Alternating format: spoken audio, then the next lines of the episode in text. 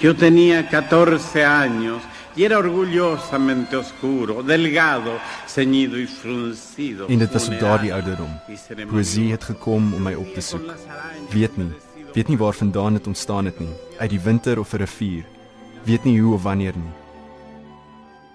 Dit is 40 jaar na die dood van Pablo Neruda. 'n Mens sou dink dat die linkse idealis met 'n voorliefde vir poesie darm nou al verdien om 'n rus gelaat te word.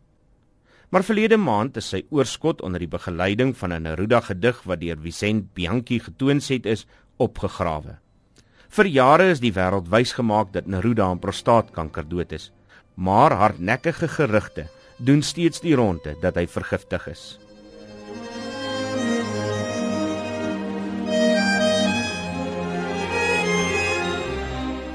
Nee, dit was nie stemme, dit was nie woorde, nie stilte nie maar ek is uit 'n straat geroep uit die takke van die nag, skielik tussen die ander uit, uit gewelddadige vlamme of alleen teruggekom. Daar is ek sonder gesig en dit het my geraak. Daar is iets goties, amper louterend om 'n kunstenaar soos Neruda terug te roep na die land van die lewendes. 'n Mens wil onwillekeurig vra of die dood dan nou regtig die laaste sê het.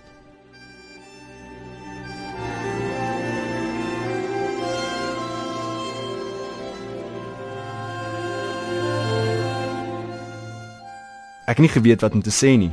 My mond het nie geweet hoe om te praat nie. My oë was blind en iets was aan die klop in my siel. Koors of verlore vlerke en ek het alleen geraak. Daardie brand ontsyfer en ek het die eerste vaarreël geskryf. Vaag, sonder liggaam, suiwer nonsens, suiwer kennis van hom wat niks weet nie. En skielik die lig sien onthul en oopgaan. Neruda se pen was aanwysend, afkeurend en verkleinerend. Hy was 69 jaar oud toe die junta aan bewind gekom het.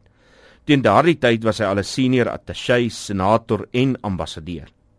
In 1969 was hy aanvanklik die kommuniste se presidentskandidaat. Hy het later teruggestaan om die kandidatuur van sy vriend Salvador Allende te steun. Sy passie vir politiek en veral politieke verandering was maar een faset van sy persona. Sy ander kant was die van 'n pure waier wat die lewe aansteeklik, vreugdevol, eroties en selfs soms destruktief aangepak het.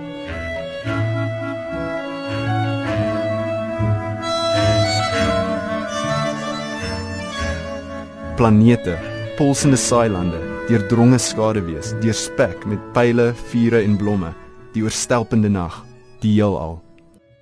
Neruda is in 'n kliniek in Santiago op 23 September 1973 oorlede.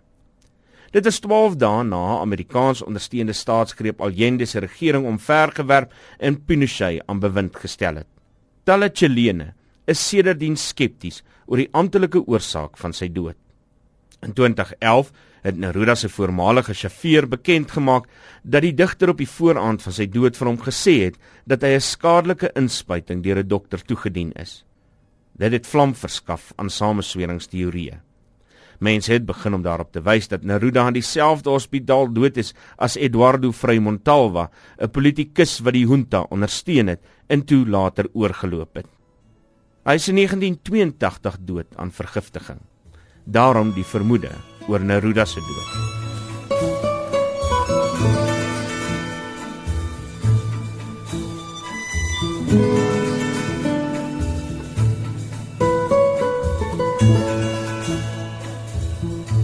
En ek, die kleinste wese, bedwelm deur die grootse niks, sterrestelsels, die beeltenis van geheimenis, het myself suiwer deel gevoel van die leegte, draaiend saam met die sterre, my hart losgebreek in die wind.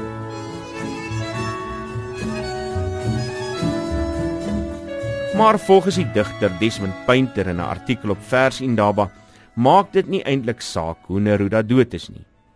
Die tragedie is eintlik dat hy lank genoeg geleef het om sy wêreld om hom te sien vergaan. Dit is wat figure soos Pinochet doen. Hulle reduseer almal tot die zero-som spel van liggame, van honger en oorvrete liggame, van ons en hulle liggame, van moordende en sterwende liggame.